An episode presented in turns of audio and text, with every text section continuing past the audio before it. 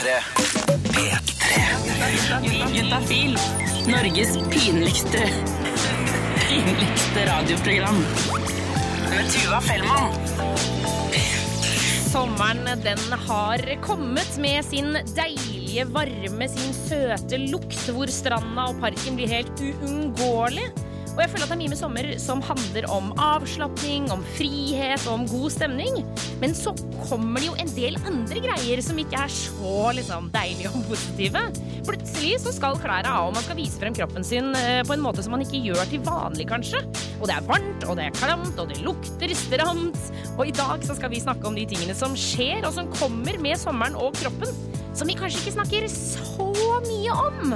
For jeg tror nemlig det er sånn at vi opplever det alle sammen. Vi bare sier ikke til så mange andre.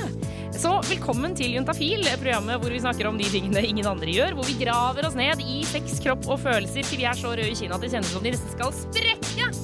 Og det er noe av det beste jeg vet. Akkurat denne følelsen hvor det er så flaut. Du klarer nesten ikke å sitte stille. Jeg gleder meg stort til de neste to timene. Jeg heter Tuva Fellmann, blir her frem til klokka sju. Velkommen til Norges pinligste radioprogram. Juntafil hver torsdag fra fem til sju. Norges pinligste radioprogram. NRK P3. Og hver sommer eh, så kommer den samme debatten om sommerkroppen. Mange nettaviser skriver 'slik får du sommerkroppen', samtidig som de også skriver saken dagen etter om hvordan jaget etter sommerkroppen er usunt og fører til kroppspress og kanskje depresjoner. Vi har kanskje lært oss å se forbi overskriftene om sommerkroppen, og har lært oss at vi skal være fornøyd med vår egen kropp, uavhengig av hvor stor eller liten den er. Men uansett om vi har lært oss det, så kommer det allikevel noen små bekymringer når sommeren kommer. Og de bekymringene snakker vi kanskje ikke så mye om. Det har, det har hendt at jeg liksom har liksom, gitt meg sjøl en pedikyr, og så har jeg bare vært sånn Kjeder meg, plukka av håret på tærne, rett og slett. Ja, det er mye man kan begynne å bekymre seg over når sommeren kommer. vokse, eller tar det bikinivoksen, da. Ja. Jeg kjenner mange som bleker håret over leppene. Jeg vet, det, det er mange som f.eks. tar og bleiker hårene på armene, sånn at det ikke skal vises så mye. Og gutta, ja, vi er selvfølgelig opptatt av å se bra ut, vi òg, men sjøl tenker jeg at det går mye på de klassiske tingene. At jo, man vil være veltrent, man vil være brun, man vil se fin ut. Men jeg har tenkt litt i det siste på at det virker som det er en god del småting for jenter å tenke på, som det ikke er for gutta når det begynner å bli varmt i været. Jeg, jeg bruker heller sånn strømpebukse for å skjule at jeg ikke har bevært meg. det tror ikke jeg. Jeg har gjort det siden sånn august. Og nå Ja, er det sånn at du gruer deg til at du ikke kan bruke strømpebukse lenger? Ja. jeg, altså, jeg vil helst unngå å barbere meg fullstendig, men jeg føler det presset til å gjøre det, så da For mange enten så finner de unnskyldninger kanskje på at de ikke, ikke vil være med på stranda eller i parken, eller så er det jo mange måter å eh, forbedre kroppen på da, som har blitt mer og mer populært. Ja, jeg måtte ringe til en lege, og det her sier da Kari Løvendal Mogstad. Hun er spesialist i allmennmedisin og mener masse om det her. Få inn kroppen sin. Det siste jeg så nå, det var jo at du kan, eh, du kan male på sixpack og markert eh, fin mage da, på sånne skjønnhetssalonger. Så det er en mulighet. Kan de ta makeup? Ja, så de maler på skygge, da, rett og slett? Male på skygge for å, for å se vel, veldefinert ut. da. Juksetes litt muskler som man ikke har. Så Det såkalte sommerkroppen nok til man skal på beachen. Men Hva er det som skjer hvis det er liksom bare føttene, eller hva er det? Alt, egentlig. Ja. Prøv å nakke noen. Hvis jeg shaver eh, føttene og jeg skal gjøre det grundig, så kan jeg også ta tærne, liksom. For vi skal jo gå uten sko. Ja. Eh, altså, jeg, har- jeg jobber nå som lege har veldig mye ungdommer folk eh, og følger veldig mange, mange unge gravide og sånne ting. Og jeg ser jo det at det med hår har jo blitt en sånn eh, ikke-ting egentlig i samfunnet vårt. Og spesielt eh, hos jenter, men også mer og mer hos gutter. Og det å, å, Man skal ikke ha hår annet enn på hodet. Og, og fra topp til tå egentlig så er det veldig inn det her å, å bruke masse penger på å fjerne hår, enten med, på eget vis eller ved laser eller sånne ting. Altså For meg så har det i hvert fall blitt en rutine, så jeg tenker ikke så mye over det. Men det burde jo kanskje være sånn at det bør være greit, liksom. Og hvorfor det kan føles eh, som så stress å ta av seg klærne på sommeren, det skal vi finne ut av, og hva vi egentlig kan gjøre. Dette er P3. Eh, og akkurat nå så snakker vi om alle de små bekymringene eller tankene som kommer når sommeren også kommer. Skal man for eksempel barbere tærne? Juntafil sin reporter han lurte litt på hvorfor det kan virke som at det kommer flere slike bekymringer hos jenter enn hos gutter, og dro rett og slett ut i parken for å finne mer ut om det. Jeg har på meg mer sminke på vinteren, for at liksom, når man er ute i sola og man har på seg sminke, så kan det ikke bli liksom ujevn farge av sola.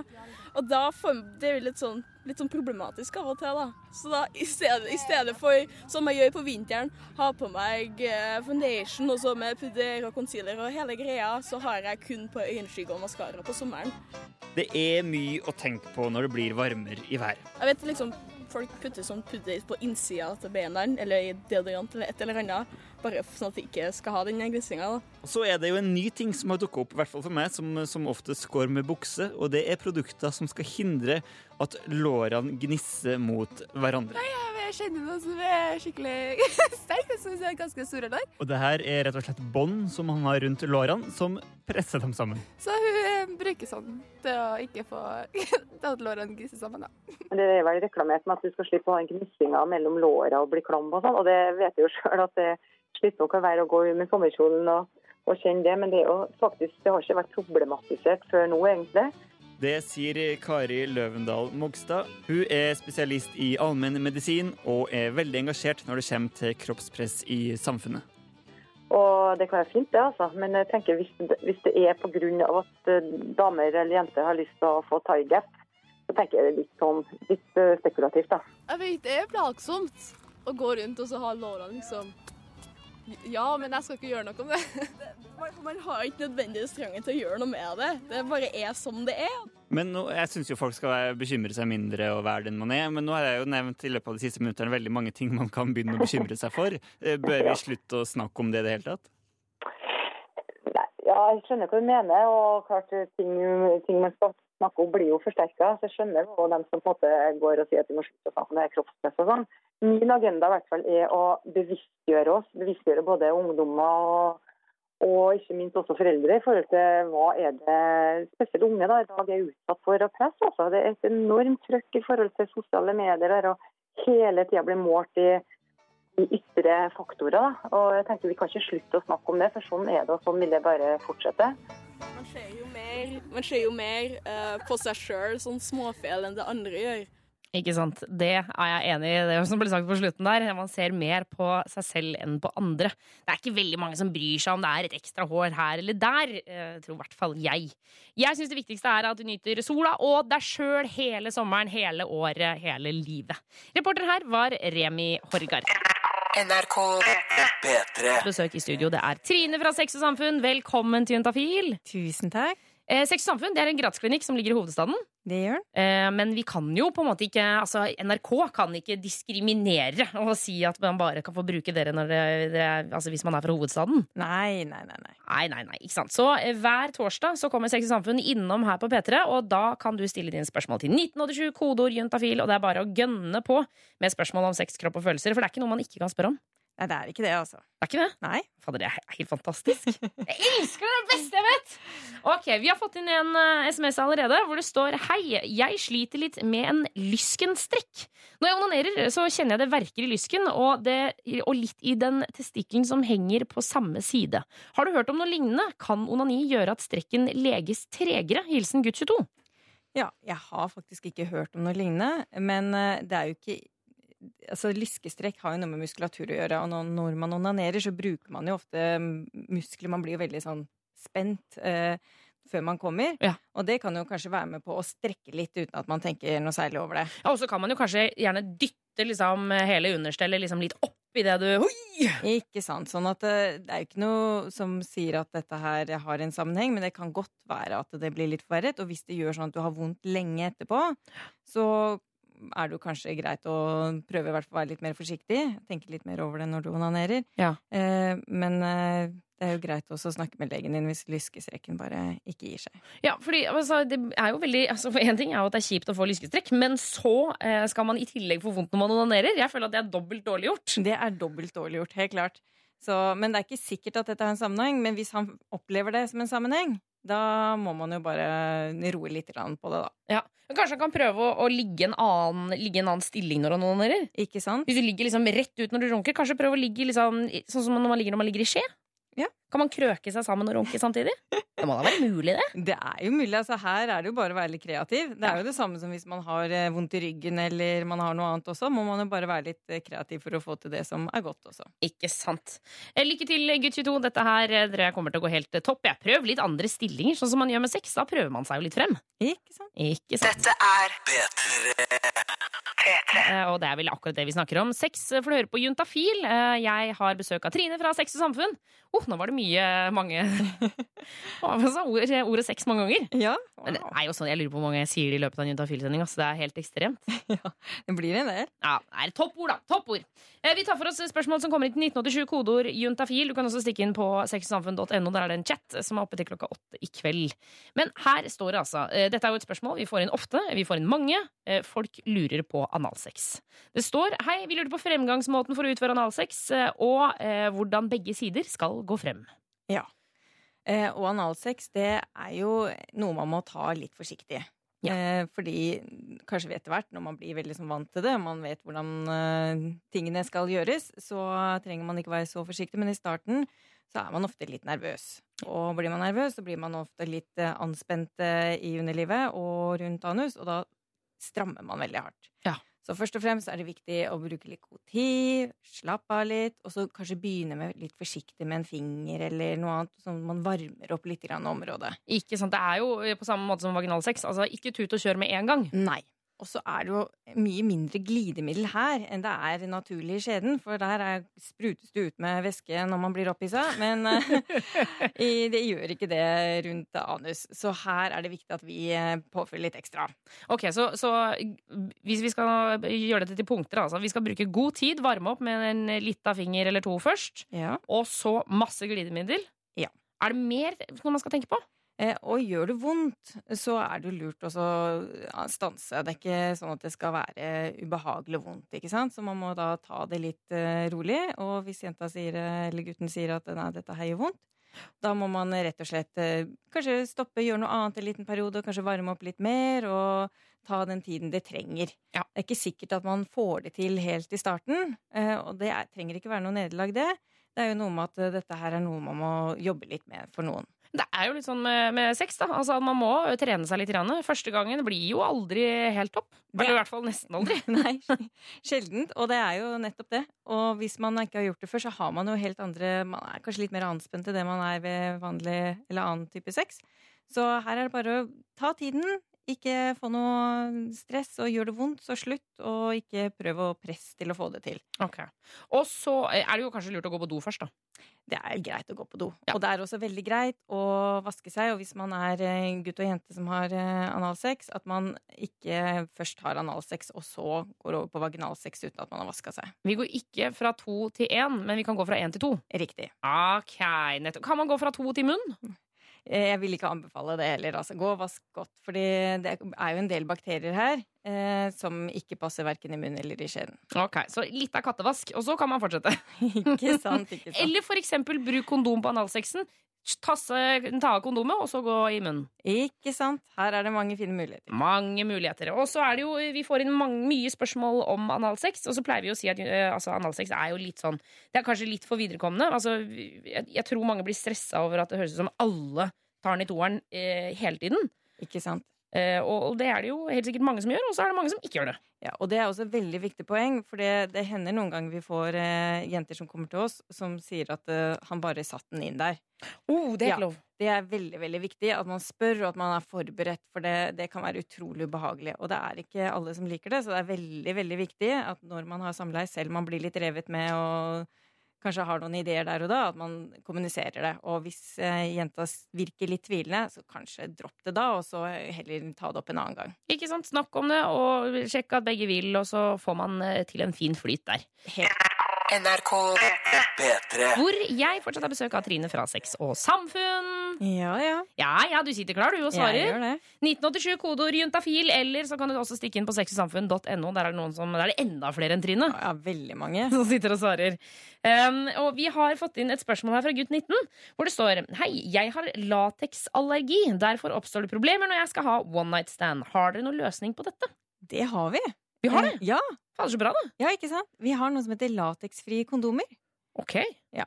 Dessverre så er det sånn at uh, disse koster litt ekstra, uh, og man får det ikke når man bestiller på gratiskondomer.no. Men bor du i hovedstaden, så har vi eh, disse kondomene liggende hos oss, og vi deler det ut gratis. Uh, og det fins også andres sånne helsestasjoner eller steder, som Olafia-klinikken, som jeg tror også kan ha lateksfrie kondomer. Og kanskje til og med helsesøster eller din lokale eh, helsestasjon kan bestille inn hvis det er det om å gjøre. Ikke sant. Så hør med dem og be om det. Og så, hvis du bor i Oslo, så kom innom Sex og Samfunn, så har vi i hvert fall. Ja, Og eh, Erna Solberg, få på noe gratis eh, utdeling av lateksfrie kondomer. Det syns jeg. På kondom.no. Kom igjen! Ja, Gratiskondomer.no og gratis lateksfrie kondomer.no. Ja. Ikke sant? To nettsider som vi må få opp her. Um, vi har også fått en annen SMS her hvor det står Hei, jeg har en kjæreste som er gravid og har fått en ny fetisj. Det å drikke morsmelk når vi har sex. Det jeg lurer på, er om vi burde spare morsmelken til barnet, eh, og om dette er normalt. Kjæresten har ikke noe imot det. Hilsen mann 25. Ja, og så lenge kjæresten ikke har noe imot det, så er jo det ikke noe problem. Eh, hvor normalt det er, det veit jeg faktisk ikke, men jeg tenker at så lenge det er fint for dem, så er det uav har det ingenting å si om det er normalt eller ikke. Nei. Og dette med morsmelk, det er litt sånn som med sædceller. Eh, Det produseres hele tiden, og man eh, sparer jo ikke sæden sin fordi man kanskje skal prøve å få noen gravid, og det blir litt det samme med morsmelka. Og det er også sånn at jo mer man, barnet drikker morsmelk, da, jo mer produserer man. Så egentlig er han bare med på å øke produksjonen for dette barnet. Eh, så han skal ikke bekymre seg noe for det. Nei, ikke sant? Og jeg tenker jo sånn med fetisjer, så lenge, altså, så lenge det ikke skader noen, så lenge de ikke gjør noe ugagn, eller, noe, eller noen eh, føler på at det blir for hardt eller for røft eller et eller annet Hvis alle er om bord på skuta, så er det jo helt streit. Ikke sant? Om det er bare deg i hele verden som gjør det, eller om det er åtte millioner andre mennesker, Mm. har jo ikke noe å si det. Nei, så lenge det ikke er ulovlig og ingen skade, så er det greit. Nei, Tipp topp tommel opp. Mann eh, 25, det er bare å fortsette å drikke morsmelk når dere har sex, hvis det er det du tenner på. Kan vi bare si det sånn? Ja, vi kan faktisk si det sånn. Perfekt. Dette er P3. Jeg heter Tuva Fellmann og har vokst opp i et hjem hvor eh, vi kvinnene har solt oss toppløse. Jeg har vel gjort det nesten hele livet. eh, Fra da jeg var, altså, da jeg var liten og bada, så gikk jeg enten naken i badebleia eller i bikinitrusa, men gikk vel egentlig aldri med en overdel. Eh, og som eh, eldre, opp mot liksom 1920 og oppover derfra opp til 25-26, så solte jeg meg alltid toppløs og insisterte på at venninnene mine også skulle gjøre det samme. Eh, og det var egentlig mest fordi at jeg hadde ikke lyst til å få et sånt skille. Jeg syntes ikke det var noe fint, så derfor så var jeg helt tydelig på at jeg skal sole meg toppløs. Men nå har jeg blitt 29. Eh, snart 29, vel å merke. Men det er et eller annet som har skjedd de siste to årene eh, som har gjort at jeg gjør det mer og mer sjeldent. I fjor solte jeg meg bare toppløs på strender som liksom, lå litt måte, i avlukket. Og vel å merke i utlandet. Jeg gjorde det ikke én gang i Norge i fjor. Og i år så tror jeg jeg bikker mot at jeg kanskje ikke kommer til å gjøre det. Og jeg vet ikke helt hvorfor. Og forhåpentligvis så kommer dette til å liksom, snu seg litt nå, for det er det vi skal snakke om. Eh, om man skal og bør sole seg toppløs som eh, dame med pupper. Eh, straks så kommer eh, Solveig innom. Hun har skrevet en kronikk i VG. Og vi skal få besøk av Birgitta, som har, å ja da, skrevet en doktorgrad om pupper. Altså, hvor rått er ikke det? Dette er Og se for deg at du ligger på en stappfull norsk strand. Det er barn som løper rundt, det er ungdommer som skravler, det er hele familier, og så er det noen som ligger alene og soler seg. Hvordan er det da hvis det ligger en dame eh, som slenger av seg toppen, hun ligger toppløs, puppa er fremme, og hun soler seg? Da jeg var liten, eh, så så jeg det hele tiden, men de siste åra så føler jeg kanskje at det har blitt litt grann borte. Vi skal inn i toppløsverden, og jeg har fått besøk av skribent Solveig Helgesen. Velkommen til Juntafil. Jo, hallo. Du, eh, jeg, du skrev en kronikk i VG i går hvor du oppfordrer flere av oss til å sole seg toppløse. Hvorfor det? Ja, eh, egentlig så handler det om at jeg syns ikke bare pupper skal handle om sex. Og så tror jeg det å se pupp på stranda kan bidra til at man kan bli mer avslappa når det kommer til forhold til egen kropp og ja. Ja, sånn, ja. Og at det blir liksom litt mer Det blir naturlig. Ja, Ja.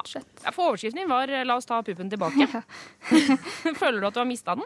Eh, litt. Jeg føler puppa handler om sex, og er det puppa, så er det sex automatisk. Ja, sånn, ja.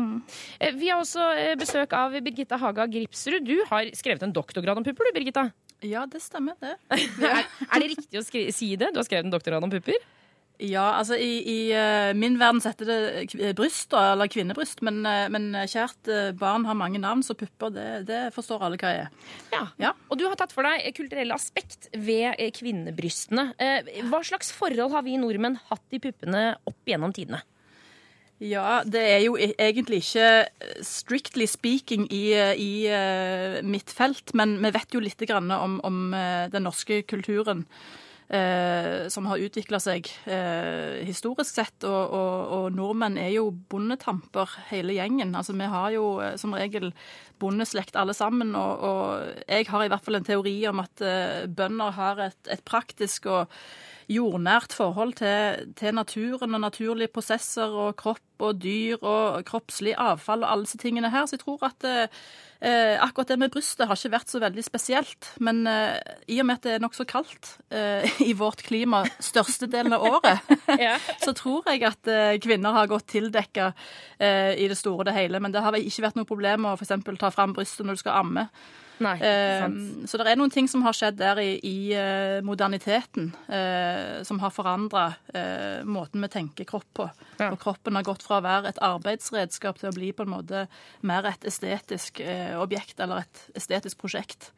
Og, det er her, Solveig, du tenker på Du knytter det til sex, stemmer det? Mhm. Ja, det, jeg tenker at når det er pupper, da er det sex. Og, men selvfølgelig uh, ammepupper. Det har jo vært mye snakk om det og i media, at uh, kan man vise en mor som ammer ungen sin på Facebook? Det har jo blitt greit nå, Ja. men det er jo mange der også uenige og ja, Mm. mener at eh, man skal dekkes til mens man ammer. Ikke sant. Det er jo interessant fordi at eh, altså, brystet er jo, det er jo både et morsorgan, eller kan være et morsorgan, og så er det òg et seksuelt organ som har, eh, har et seksuelt potensial i seg som, som, som eh, en del av kroppen. Samtidig så er kroppen blitt investert utenifra i kulturen som, som et seksuelt objekt. Sånn at det der, der står brystet i en sånn rar eh, skvis altså mellom mellom den levde kroppen som er kvinnens kropp, og, og den fantasien om kroppen som på en måte sirkulerer i kulturen, bl.a. I, i pornografien. Mm. Men når du sier det med, med Facebook og dette med, med amming på Facebook, så minner det meg òg om dette feltet som jeg òg holder på med, som er brystkreft og, og kvinners eh, opplevelse av brystkreft. Og det er jo òg eh, problematisk å vise et ikke-bryst. Altså det å vise et arr eh, etter en har fjerna et bryst, det er jo òg et problem på Facebook. Men fordi man får ikke lov til å gjøre det? Eller er det, hvordan er det problematisk? Eh, De blir sensurert. Altså kvinner som legger ut bilder av sine mastektomerte bryst, brystkasser eller, eller bryst, blir, blir eh, sensurert av Facebook. Fordi det anses for å være støtende. Og da, da vet vi jo at da er det jo ikke bryst i seg sjøl Nei, som er er problemet. Da er det noe, noe angst og engstelse rundt dette med kvinnekroppen. Altså, ikke sant? Hva er det? For- Altså, det, du kan ha liksom for mye av det gode, du kan ha for lite av det gode, og begge deler er et problem. Ja. Eh, Vi skal snakke mer om eh, pupper. eh, Litt når kropp er kropp. Når er det f.eks. barn begynner å kjenne på at de har pupper? Dette er P3. Hvor vi har studio stappfullt av damer. Vi snakker om pupper akkurat i dag. Og vi har besøk av Solveig, som skrev i VG i går at vi bør sole oss toppløs alle mann. Og vi har besøk av Birgitta, som har skrevet en doktorgrad om kulturelle aspekt ved kvinnelige bryster. Eh, Og Birgitta, betyr dette at altså Når du sier kulturelle aspekt altså jeg tenker på, er, Mener du at pupper forandrer seg, forandrer seg fra situasjon til situasjon? Er det det vi tenker på? Eh, ja, puppen er vel kanskje udødelig og, og ikke så veldig endrende, endrende i seg sjøl, men, men eh, måten vi tenker om brystet har jo eh, forandra seg. Sånn at det, det er jo gått eh, fra å være en del av en eh, naturprosess og knytta til dette med, med amming og hellig moderskap osv. til å bli på en måte et mer eh, seksualisert objekt da i dag. Ikke sant? Men har vi, for jeg tenker sånn, i dag hvis jeg ser en, en pupp som brukes til amming, og hvis jeg ser en pupp på en pornofilm, så, så oppfatter jeg de veldig forskjellig. Er de vanlige, tror du? Ja, det vil jeg jo anta at det er to, to forskjellige uttrykk for bryst. Ja, ikke sant? to forskjellige typer pupper. Ja, men brystet er jo som sagt eh, Jeg, jeg vil jo stå ihuga på, på eh, dette at brystet er et seksuelt organ. altså Det, det er det jo òg i en, en ammekontekst. det, det er jo et eh, organ som har erotiske seksuelle aspekter som, som gjør at eh, ammingen òg er jo, er, er jo en, en god opplevelse for kvinnen, da, ikke bare for barnet. Ja, ikke sant? Og så men så må det jo også være noe med kjærligheten der, og, og mot morsfølelsen og hele den pakka der. Absolutt. Her er det veldig tilknytning på, på høyt plan. Og det, er jo, det ligger jo i grunnlaget for eh, hele mennesket som art. sant? Vi er pattedyr, og, og det, det, det har ikke vært noe særlig trygge alternativer til morsmelk eh, inntil nokså nylig, nylig tid. Sånn at eh, dette med, med brystet det er som grunnleggende fascinerende egentlig gjennom mange ulike kulturer og gjennom historien. Mm. Solveig, du er eh, 20 år. Når ble du liksom obs på dine egne pupper? Når kjente du at jeg har, det her er noe greier? Det jeg tror det var rundt niårsalderen. Niårsalderen, ja? Jeg husker vi var på fotballturnering, eh, og så sto vi alle jentene i dusjen, og så prata vi litt, og så prata vi litt om hvem som hadde fått pupper, hvem som ikke hadde fått pupper. Jeg husker jeg var en av dem som alle sa ja, du begynner å få pupper, og du kommer nok til å få store pupper. Ok. Jeg, jeg lurer litt på, jeg vet ikke hva dere tenker, jeg lurer på når altså, vi som voksne skal begynne å forholde oss til eh, at barn får pupper. Eller så skjønner dere hva jeg mener her? Hva, hva, hva tenker du, Solveig? Når skal vi begynne å, å være obs på det? Nei, jeg tenker nå altså sånn Ei jente i ni-tiårsalderen er jo egentlig altfor ung til å skulle bli eh, seksualisert på samme måte som eh, en voksen dame med bryst, da. Mm. Eh, men samtidig så Ja. eh, jeg vet ikke helt. Jeg tenker litt sånn kanskje opp til uh, jenta sjøl også, hva hun føler og Ikke sant? tenker om kroppen sin. Og- Og så tenker jeg, altså, kanskje hvis vi, hvis vi voksne slapper litt av, så kanskje barna slapper litt mer av også? Ja. Birgitta, hva tenker du i denne situasjonen? Ja, nei, nå tenker Jeg bare på at eh, jeg satt og leste i går at eh, både Lindex og henne som Maurits selger bikinier til, eh, til, i størrelse 92, altså halvannet, eh, halvannet år, og, og lurer litt på hvorfor babyer eh, skal markere sin kjønna identitet så tidlig, hvorfor det kom inn. og Det, det henger selvfølgelig sammen med, med altså, kapitalisme og kommersialisering av alt. og Om det ikke finnes et behov for det, så skapes det et behov for det. Eh, jeg tenker at foreldre må, må tre inn her og sette noen grenser, og, og la, la barn få være barn, og la kropp få være kropp.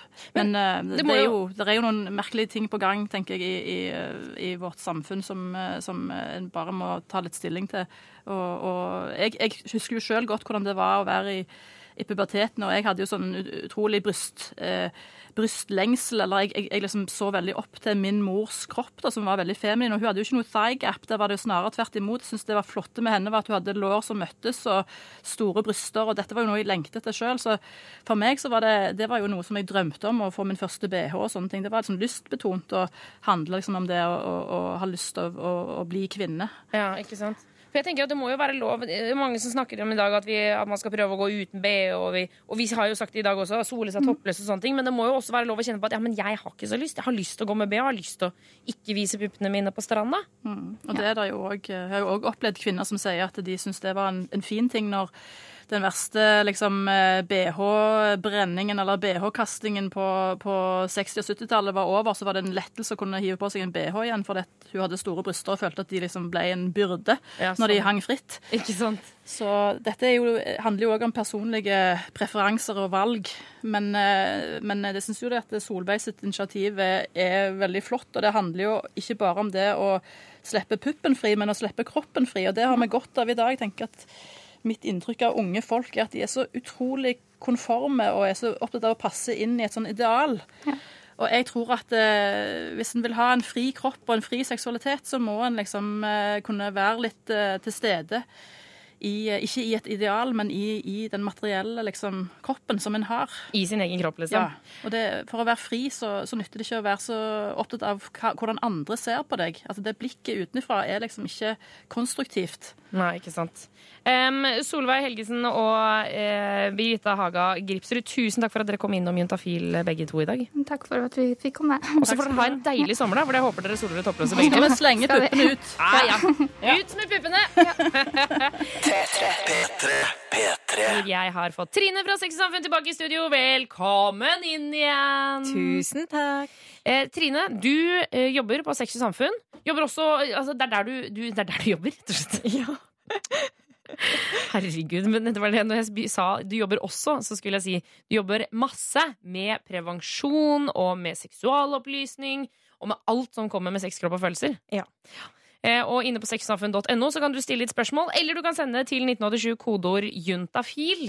Og vi har fått inn en SMS her hvor det står Hei, jeg har i noen år nå utforsket kroppen gjennom onani, men har aldri kommet. Det virker som at når jeg holder på, så stopper det rett før, eh, før, rett før jeg kommer, av en eller annen grunn. Har dere noen tips til å klare å holde ut? Eh, Hilsen frustrert jente. Ja, og først og fremst, det er så bra at hun eh, utforsker kroppen med Kjempebra. onanering. Ja, så, Applaus! Ja, applaus. Det er veldig, veldig fint. Eh, og det andre er at det er mange som kan bruke litt tid på å finne den trylleformelen på hvordan man skal få en orgasme. Ja. Og mange opplever det som veldig, veldig intenst rett før, sånn at eh, man rett og slett blir litt avledet eh, fra følelsen, og dermed så kommer det mange andre følelser og tanker, og det er nesten litt ubehagelig, og så slutter man, eller man får det ikke til. Ja. Eh, så det er eh, også viktig da å prøve andre metoder. Eh, mange prøver eh, altså klitorisstimulering, eller man tar i skjeden, og noen har godt av å kjøpe noen hjelpemidler på Som vibrator, liksom? Ja, på kondomeriet. Mm. Eh, og på kondomeriene så er det faktisk folk som er kursete i det her.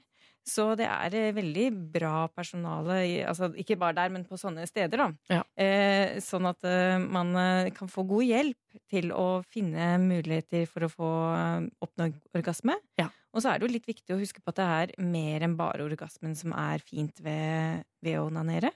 Eh, sånn at eh, man ikke bare skal oppnå orgasmen, for da Da kommer den jo ikke. Nei. Det er nettopp det. Men for det er det jeg lurer på til denne jenta her. Om hun kanskje fokuserer så mye på orgasmen at den ikke kommer. Det er litt som når man er redd for at man er gravid, og så forsvinner mensen. Helt, helt enig. Kroppen Eh, bare 'Du tenker for mye på dette her. Jeg gjør noe'. Ikke sant? Det blir sånn 'Å, nå kommer det, nå kommer det, nå kommer det'. Nå, nei, hvor, hvor ble det av den? Ja. Eh, at man, det er det jeg mener med at det- å onanere er så mye annet. Eh, det er masse andre fine ting som skjer med kroppen når man gjør det. At man kan heller fokusere på det, og kanskje finne frem noen tanker som gjør at man blir eh, ekstra opphissa. Eh, og holde litt på de tankene, og ikke miste fokuset fra dem. Ja, og så må, ja, det Gønne på med fantasering, liksom. Det, her er det lov å tenke og tenke og tenke. og tenke. Å, tenke og tenke. Men eh, og så tenker jeg også Tenke, tenke, tenke. Eh, jeg eh, lurer litt på dette her med at hun eh, holder på helt til hun eh, liksom nesten kommer, og så kommer hun ikke. Kan det hende at hun egentlig får en orgasme, men bare forventer helt sjukt mye av den? Det kan også være. Altså, fordi det høres ut som hun er på vei inn i noe veldig deilig, men Mm. så stopper det. Ja. Og så tenker jeg sånn altså, kjenn, liksom, kjenn etter på den deilige følelsen. Er det, det kan jo hende at det er den. Absolutt. Og noen ganger så er det ikke selve det å komme som på en måte er det mest fantastisk, fantastiske med det. Det kan være den oppbyggingen til det også. Eh, Så kanskje man skal rett og slett eh, fokusere mer på den, og fokusere mer på det som er hyggelig på forhånd. Og så kanskje man kjenner litt etter at ja, men det var faktisk ganske deilig, det her òg. Kanskje det er dette her som er orgasme. Og så kan den orgasmen endre seg over tid. Ja. Når man ikke blir så fokusert på den. Ikke sant. Ok, så eh, hvis vi skal oppsummere, her eh, er det snakk om å frie tankene, slappe av i kroppen. Bruk glidemiddel, eller bruk noe fuktighet. Ja, hvis man trenger det. Hvis du er trenger det, Ja, mhm. så er det bare å fyre på med det. Eh, og ikke minst, ikke legg så mye i det, eller ikke tenk så mye på det. Ikke sant? For da, det er akkurat som hvis du ber noen om å kile deg, så blir det jo ikke kilen. Er det bare noe som tar på deg, så er det litt, sånn, det er litt rart at du bare dytter meg under armene. Ja. Men idet du liksom ikke tenker på det, så kiler du jo som fader. Ikke sant. Dette er P3. Eh, Og programdør på det er Juntafil, Norges pinligste radioprogram. Og det blir pinlig både gjennom meg, den kleine programlederen Tuva Fellmann, og ikke minst Trine fra Sex og Samfunn. Ja. Du bidrar din fair share, du også. Helt klart. Helt klart. Jeg skal ha litt av den æren, jeg. Ja, det skal rett og slett det. Eh, Vi tar for oss spørsmål som har kommet inn til 1987, kodeord juntafil. Og vi har fått inn et spørsmål her hvor det står Hvor lang tid etter samleie pleier man å merke symptomer på klamydia? Ja. Eh, og da må vi bare begynne med å si at de aller fleste merker jo ikke symptomer på klamydia. Det er jo som et spøkelse i underlivet ditt. Sorry, altså. Det er på en måte Du ser det ikke. Nei. Noen rangler ordentlig med kjettingen. Ja, ikke sant? Noen rister sånn at du hører det, liksom. Ja, mens andre er bare som sånne små, stille lavvanner. Så det er veldig lurt å alltid sjekke seg hvis man har hatt eh, sex uten kondom med en ny partner. Eh, og så er det veldig mange som kommer til oss sånn dagen etter, eh, og det er for tidlig. Det er for Man- tidlig? Ja, Man kan ikke sjekke seg før det har gått syv dager. Ok, Så hvis jeg har sex på lørdag, så må jeg vente mest sannsynlig til mandag da med å sjekke meg? Vi er ikke oppe på søndag, så da må du vente til mandag, ja. Ok, så Det må gå syv dager mellom sex eh, når du har hatt ubeskytta sex, altså. Ja. Ok, men eh, så Ok, og det, det er mange som ikke kjenner noen symptomer, men det er jo noen symptomer også. Ja, ikke sant. Og det er jo da, for gutter er det jo da gjerne en sånn svie når de tisser, eller utflod fra penis.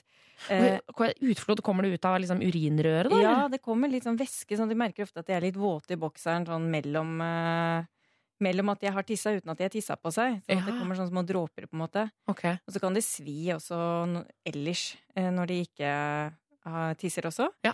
Eh, og for jenter, så, altså for gutter, så i verste tilfall så kan man jo få en betennelse nede i bitestikkelen sin, og da får du jo veldig mye smerter.